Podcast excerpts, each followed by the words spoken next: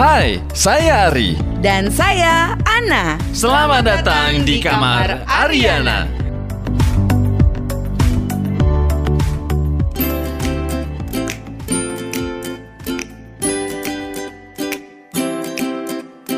Hai, saya Ari. Dan saya Ana.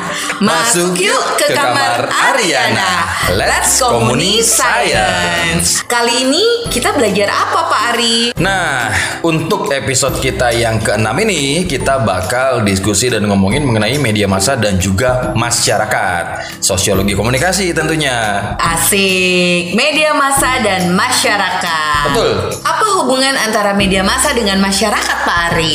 Nah, sebelum saya jelasin pertanyaannya Bu Ana, sebelumnya saya mau ngomongin dulu nih mengenai media massa. Sebetulnya kan media massa itu adalah media yang digunakan untuk mentransmisikan informasi kepada halayak ya Bu Ana. Betul. kepada masyarakat banyak. Nah, ini jadi ada hubungannya dengan perkembangan teknologi komunikasi dan juga komunikasi itu sendiri, Bu Ana. Oke. Kalau sebelumnya kan kita dengar ada istilah media konvensional nih, Bu Ana.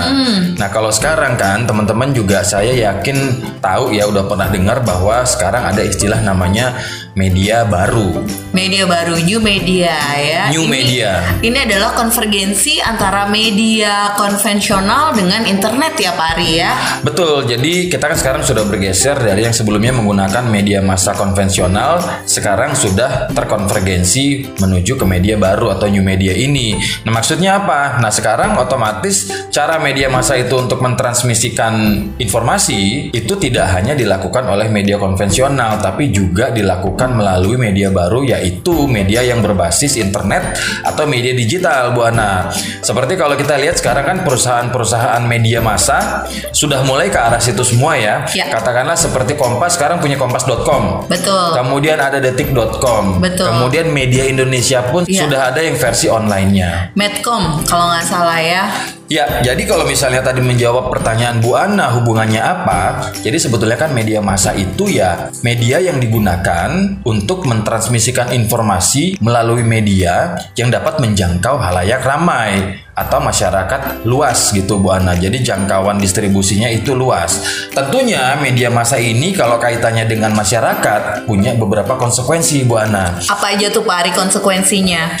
Kalau kita merujuk kepada pernyataan yang disampaikan oleh Dennis McQuail, jadi kalau kita lihat dari perspektif politiknya, media massa ini sebetulnya menjadi elemen penting dalam proses demokratisasi karena menyediakan arena dan saluran bagi debat publik. Begitu ya, menjadikan Misalnya calon pemimpin politik dikenal luas oleh masyarakat, kemudian berperan untuk menyebar luaskan berbagai informasi dan juga pendapat. Oke. Itu kalau dari sisi politiknya, Bu Ana. Kemudian ada lagi kalau misalnya kita lihat dari perspektif sosial budayanya, gitu.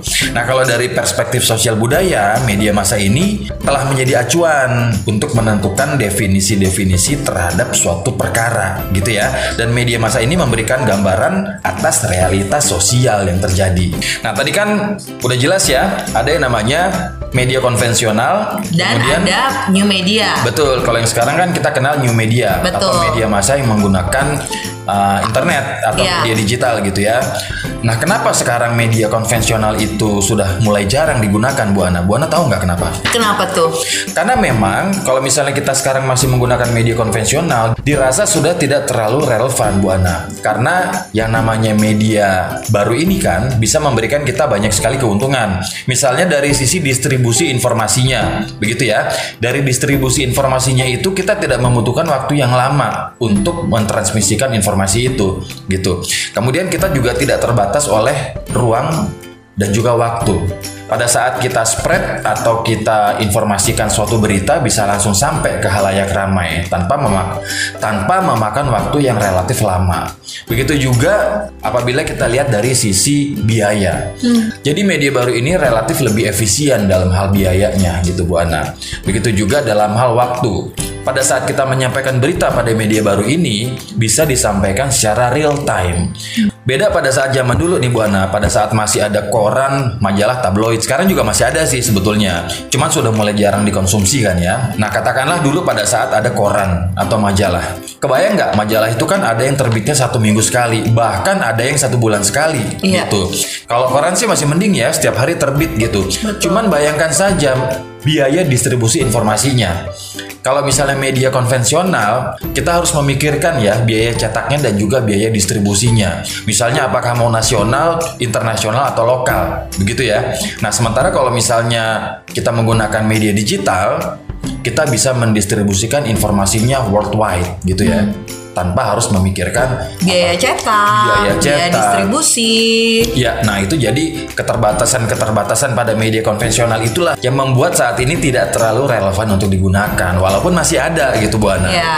Nah kalau gitu pentingnya media buat hidup kita apa dong Pak Ari? Nah sebetulnya ini media punya hubungan yang kuat sama kita ya Bu Ana sebagai masyarakat gitu, karena tentunya media kan punya signifikansi ya, di antaranya misalnya untuk memproduksi dan juga untuk mendistribusikan pesan atau informasi itu sendiri gitu. Jadi kebayang nggak kalau misalnya sekarang ini kita hidup tanpa adanya media massa gitu, apalagi kalau kita masih bergerak dengan media konvensional. Nah, dengan adanya new media atau media baru ini yang berbasis internet atau digital, ki- kita bisa jadi lebih cepat nih untuk memproduksi dan mendistribusikannya kepada banyak orang. Karena media ini kan memang di antaranya fungsinya tersebut ya, Bu Ana. Nah, nanti kita akan bahas lebih lanjut nih mengenai fungsi-fungsi dari media masanya sendiri gitu. Nah, kaitannya dengan memproduksi dan juga mendistribusikan informasi, nah media baru ini atau new media ini cukup banyak membantu kehidupan kita, gitu ya. Karena uh, bayangkan saja dengan adanya new media atau digital media ini, kita jadi bisa mengakses informasi bukan hanya dalam hitungan jam, tapi bahkan hitungan menit. Katakanlah media online yang memproduksi berita. Kita sering dapat notifikasinya, bahkan dalam hitungan menit kita sudah dapat berita baru. Betul. Gitu. Bandingkan apabila kita menggunakan media konvensional, pasti akan delay nih, butuh waktu yang lebih lama gitu kan. Nah, Kita baru bisa dapat besok gitu ya, keesokan harinya gitu ya. Betul. Nah, kecepatan dalam memproduksi dan juga mendistribusikan informasi ini yang tidak terbatas pada ruang dan juga waktu, ini benar-benar memberikan efisiensi bagi kita, Bu Ana. Tentunya di dalam dunia komunikasi. Komunikasi dan informasi itu bisa dijalankan lebih cepat, lebih efektif dan juga lebih efisien gitu maksudnya. Nah, seperti yang tadi kita bicarakan, masalah distribusi ini, distribusi informasi melalui media massa tentunya ya. Ini punya tiga komponen Bu Ana Apa aja tuh? yaitu transmission Ya. atau Indonesianya ini pengiriman pesan Oke. gitu ya. Kemudian reproduction and amplification atau penggandaan pesan. Sama yang terakhir adalah display atau kehadiran pesan secara fisik pada sasaran atau halayak yang dituju oleh media masanya itu siapa gitu. Oke. Nah, jadi media yang kita gunakan untuk berkomunikasi atau menyampaikan informasi ini juga sebetulnya punya jenis-jenis atau tipe-tipenya sendiri gitu Bu Ana. Dan dari jenis dan tipenya ini juga punya konteks atau level komunikasinya sendiri-sendiri. Seperti yang saat ini kita bicarakan, ada yang namanya mass media atau media massa gitu. Ya. Nah, media massa ini teman-teman juga sudah pasti tahu. Ya termasuk televisi, surat kabar gitu ya, media online gitu. Nah, ini juga memiliki konteks komunikasinya sendiri yaitu termasuk ke dalam komunikasi massa gitu ya. Oke. Komunikasi massa kan komunikasi yang dilakukan menggunakan media massa ya. Betul. Kemudian ada lagi yang namanya group and organizational media. Nah, contohnya ini apa? Seperti ada yang namanya intranet kan? Kalau Ya. misalnya di kantor nih ada yang namanya intranet. Kemudian ada yang namanya intercoms. Bahkan kalau di tiap perusahaan atau institusi biasanya ada email internal yang digunakan untuk berkoordinasi antar tiap bagian Hah? atau digunakan untuk pendelegasian tugas dari atasan kepada bawahan. Iya. Jadi secara vertikal atau Horizontal. Nah, ini namanya group and organizational media. Atau media yang digunakan dalam konteks komunikasi organisasi atau komunikasi kelompok ya Pak Ari ya. Betul Bu Ana. Nah, ini juga memiliki konteks atau level komunikasinya sendiri yaitu komunikasi organisasi atau komunikasi kelompok. Nah, selanjutnya ada yang namanya interpersonal media.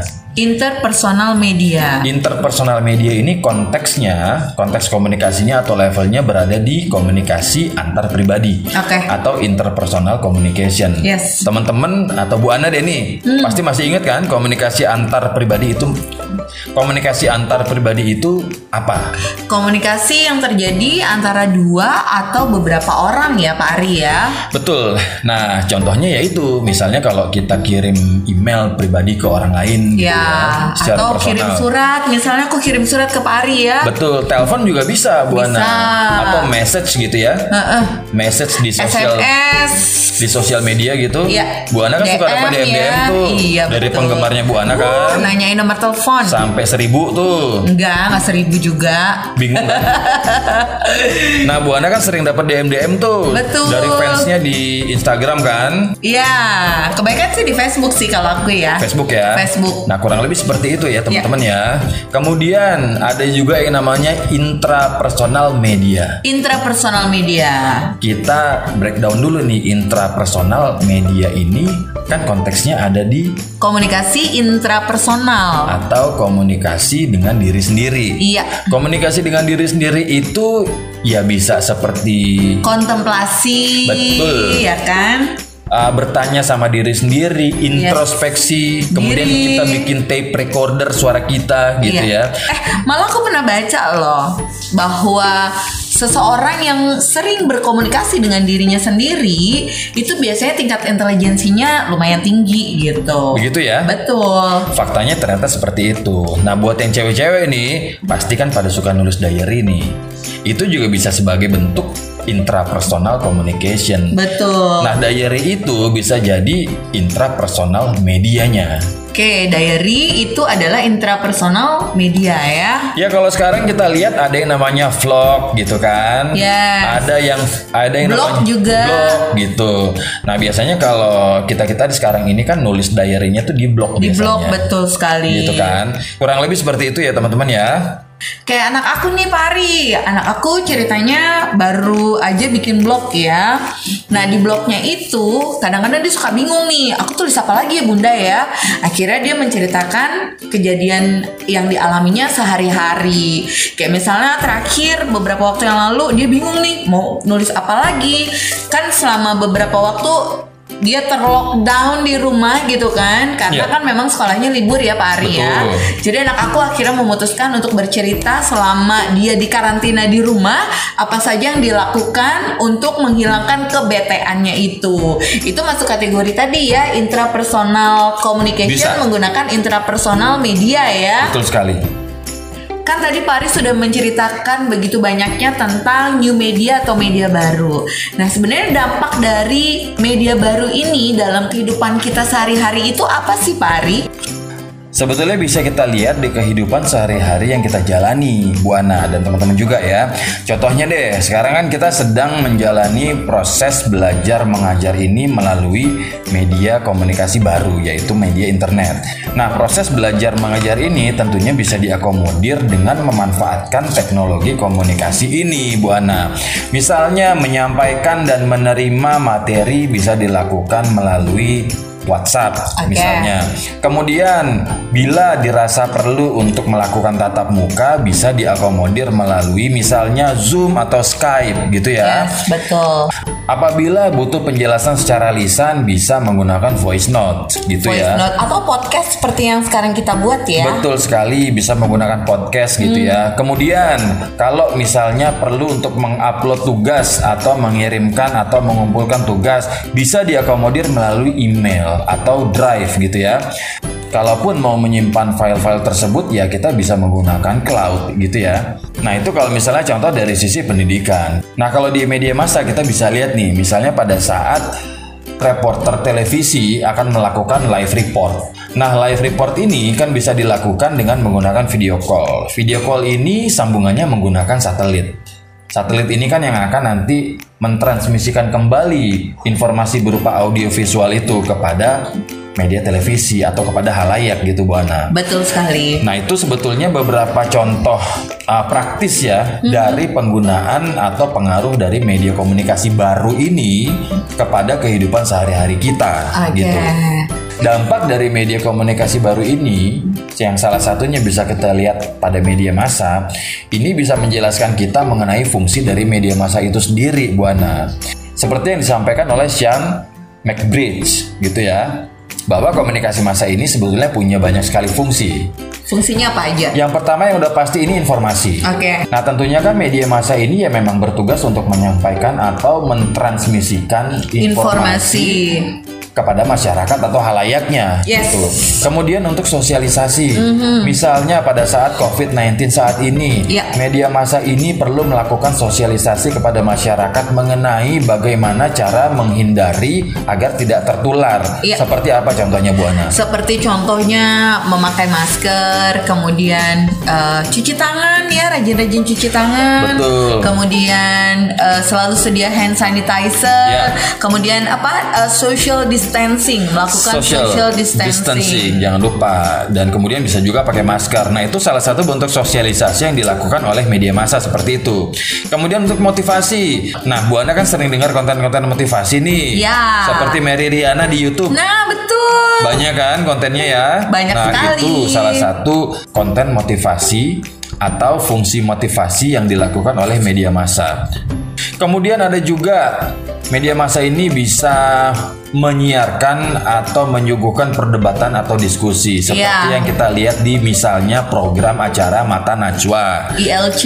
ILC juga bisa ya walaupun ujung-ujungnya kita tidak harus menemukan satu solusi sih atau nggak harus menemukan satu uh, Titik temu titik ya. temu atau kesepakatan gitu ya paling tidak kita jadi terbuka perspektifnya terhadap isu-isu atau fenomena yang terjadi di masyarakat gitu Betul. nah itu kemudian untuk pendidikan nih Bu Ana? Pendidikan, aku sering banget tuh nonton di Discovery Channel ya, kemudian di Animal Planet mungkin ya? Animal Planet dan lain-lain Pak Ari. Banyak sekali konten-konten pendidikan yang bisa didapat di sana. Betul, nah itu sifatnya kan mengedukasi masyarakat atau halayak ya. Kemudian untuk memajukan kebudayaan. Oh iya, betul sekali. Eh, seperti misalnya banyak sekali tayangan-tayangan eh, budaya Indonesia yang di- yang kita bisa lihat di TVRI ya. Dan tayangan-tayangan dokumenter yang bisa kita lihat di stasiun televisi swasta.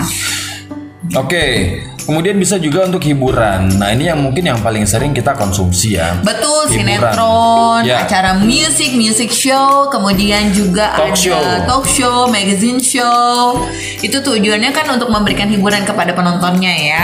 Belum lagi reality show, ada infotainment. Nah itu bisa memberikan hiburan kepada halayak. Nah cuman masalahnya sekarang ini faktanya konten hiburan kita tuh kan kadang-kadang suka terasimilasi oleh budaya Barat ya, yang kira-kira mungkin tidak terlalu sesuai dengan budaya kita gitu. Nah itu salah satu efek negatif dari media massa khususnya di media baru atau media komunikasi baru ini gitu. Nah yang terakhir ini bisa berfungsi untuk integrasi gitu, jadi pemersatu gitu ya. Ya. Kalau tadi kan Pak Ari sudah menjelaskan tentang fungsi dari media massa. Nah, sekarang aku mau tanya nih, peranan media massa itu sendiri apa sih? Iya, jadi media massa itu yang paling jadi media massa itu yang paling penting adalah bisa menjadi agent of change. Jadi agent of change ini maksudnya adalah agen perubahan gitu. Nah, agen perubahan ini bisa dilakukan oleh media massa untuk menginformasikan, mensosialisasikan gitu ya, informasi-informasi dan juga mempengaruhi halayak atau masyarakat untuk menuju kepada satu perubahan yang positif. Katakanlah begini deh, sekarang kan kita sudah di era paperless ya. Iya. Misalnya contohnya salah satunya itu deh. Media massa mensosialisasikan kepada masyarakat supaya kita bekerja itu paperless gitu. Nggak usah deh pakai print-print kertas yang banyak-banyak. Karena kan untuk penyimpanan misalnya bisa diakomodir melalui cloud gitu ya. Kemudian bisa melalui email juga gitu. Kalau misalnya kita mau kirimkan hasil pekerjaan atau hasil kuliah kita juga bisa melalui drive atau bisa melalui email. Nah itu sebenarnya salah satu contoh ya perubahan kalau kita harus paperless dalam bekerja gitu misalnya gitu. Contoh lain nih misalnya dalam hal politik atau pemerintahan gitu. Misalnya media massa mensosialisasikan atau menginformasikan bahwa kita nih sebagai kaum akademisi, katakanlah pengajar atau mahasiswa, cobalah kita lebih kritis untuk bisa memperhatikan kinerja pemerintah nih. Katakanlah seperti Nah, Bu Ana masih ingat ya nih tahun kemarin yang demo-demo masalah RUU KUHP? Masih inget dong Pak Ari, kenapa aku ingat? Karena memang mahasiswaku juga banyak yang ikutan aksi demonstrasi tersebut. Betul, waktu itu kalau nggak salah teman-teman BSI juga banyak ya yang ikut aksi demonstrasi waktu itu di DPR MPR ya. Betul sekali. Nah itu kan salah satunya juga ada peran media massa tuh Ya. untuk mensosialisasikan atau juga menginformasikan kepada kita sebagai akademisi, misalnya untuk mahasiswa gitu ya, untuk bergerak nih untuk lebih kritis dalam menyikapi kinerja pemerintah yang pada saat itu dirasa mungkin kurang optimal gitu sampai akhirnya timbul demo untuk memprotes atau merevisi RUU KUHP tersebut gitu. Nah itu contoh-contoh praktisnya ya teman-teman ya untuk media massa sebagai agent of change gitu. Kemudian media massa itu kan sebetulnya harus punya QC ya Quality control. teman-teman quality control ya teman-teman atau uh, menjaga mutu dan kualitas programnya supaya tetap berimbang. Nah cuman problemnya nih faktanya saat ini kan memang tiap media massa itu tidak pernah lepas dari kepentingan politis gitu Bu Ana. Nah ini yang jadi pertanyaan bagaimana menjaga agar media itu bisa tetap berimbang, proporsional dalam memberitakan sesuatu gitu. Kalau nggak salah kan ini juga sempat ditanyakan oleh Mahasiswa. mahasiswa saya kemarin nih. Betul. Di pertemuan Dan yang aku juga pertama. ya. Dan Bu Ana juga ada tuh mahasiswanya Bu Ana yang nanya kayak gitu kan. Betul. Gitu. Nah ini kan kita perlu tahu nih solusinya bagaimana gitu. Karena faktanya memang sekarang seperti ini gitu. Kita ambil contoh deh. Misalnya dari beberapa media massa yang saat ini ada di Indonesia Bu Ana. Iya. Gitu ya. Pemiliknya itu Hmm. rata-rata kebanyakan ya terjun juga atau berkiprah juga di bidang politik. Betul. Jadi bagaimana kita bisa menjaga agar media massa itu berimbang, sementara pasti ada kepentingan politisnya. Hmm. Betul. gitu. Nah sayangnya tidak semua halayak yang mengkonsumsi berita ini bisa mengolahnya secara smart, gitu.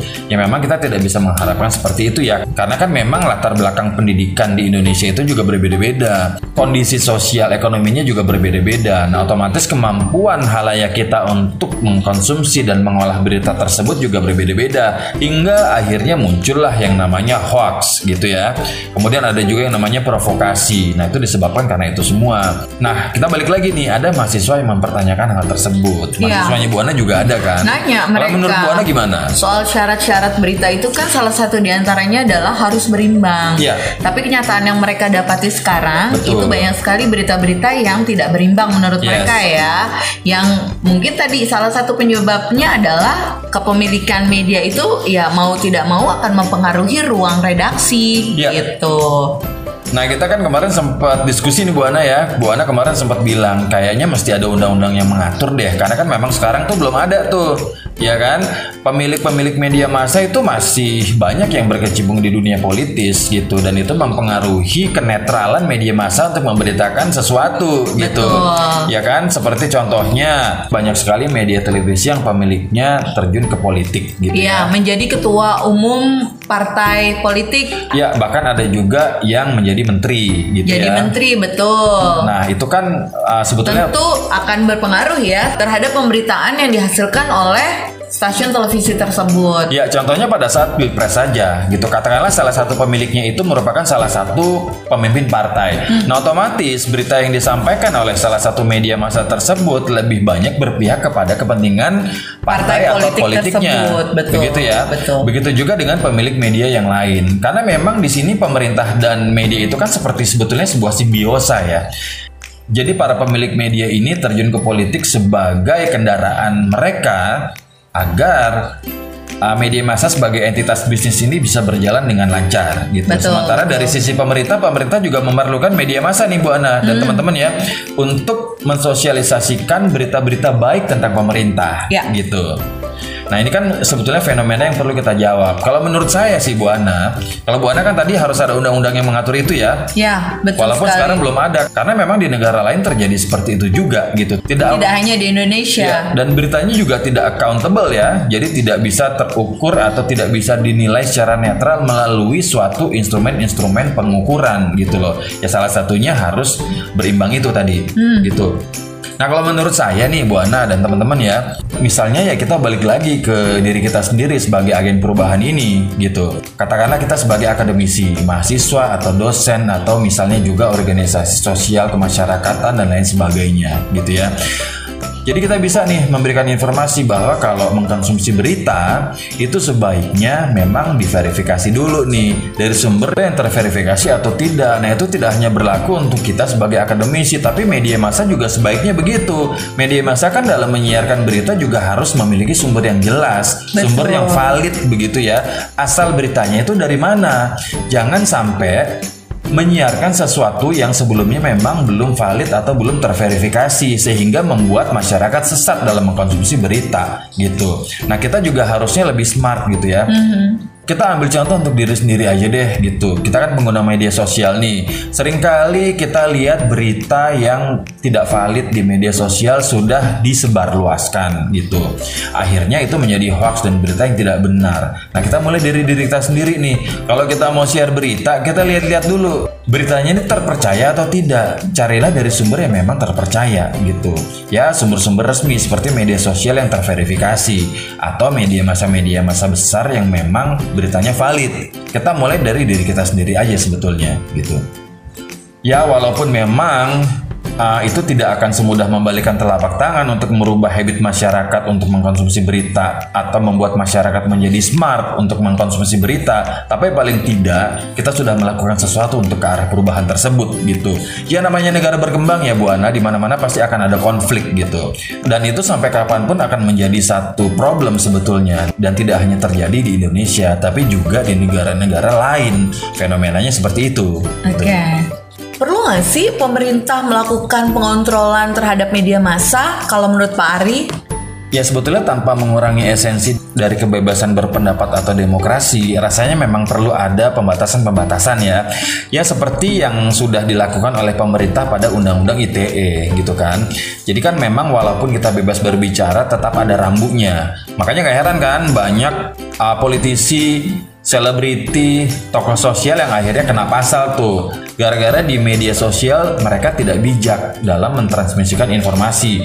Ada yang berupa hate speech, ya kan? Atau ujaran kebencian, ada yang berupa fitnah dan lain sebagainya gitu. Nah, ambil contoh lagi deh. Seperti contohnya mungkin teman-teman masih ingat atau Bu Ana juga masih ingat waktu tahun kemarin sempat ada uh, kasus di mana Netflix itu rencananya atau diwacanakan akan diawasi oleh KPI. KPI. Nah sudah sempat itu kan, Ya. sudah sempat sebetulnya actionnya sampai pada saat itu menimbulkan reaksi dari masyarakat khususnya pengguna Netflix. Mereka mengumpulkan petisi melalui Twitter untuk menolak hal tersebut. Betul. Gitu. Kalau menurut Bu Ana perlu nggak tuh wacana seperti itu? Ya kalau menurut aku sih aku sih setuju ya sama netizen ya Pak Ari ya. Walaupun aku bukan pengguna Netflix gitu ya, tapi aku setuju sekali karena memang KPI tidak punya kewenangan untuk mengawasi program-program yang ditayangkan di Netflix. Mungkin lebih baik KPI fokus pada televisi-televisi nasional di Indonesia yang dirasa oleh masyarakat atau dalam hal ini netizen ya lebih banyak kekurangannya ketimbang dampak positif yang bisa didapat ketika masyarakat menonton televisi tersebut. Ya mungkin pada saat itu KPI mau cek ombak aja kali ya.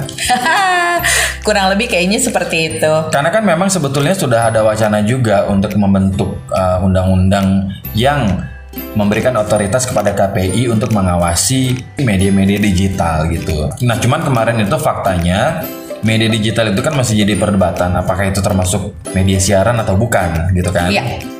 Gitu ya teman-teman. Nggak kerasa nih kita udah lumayan lama nih ngomongin masalah media massa dan juga masyarakat gitu ya.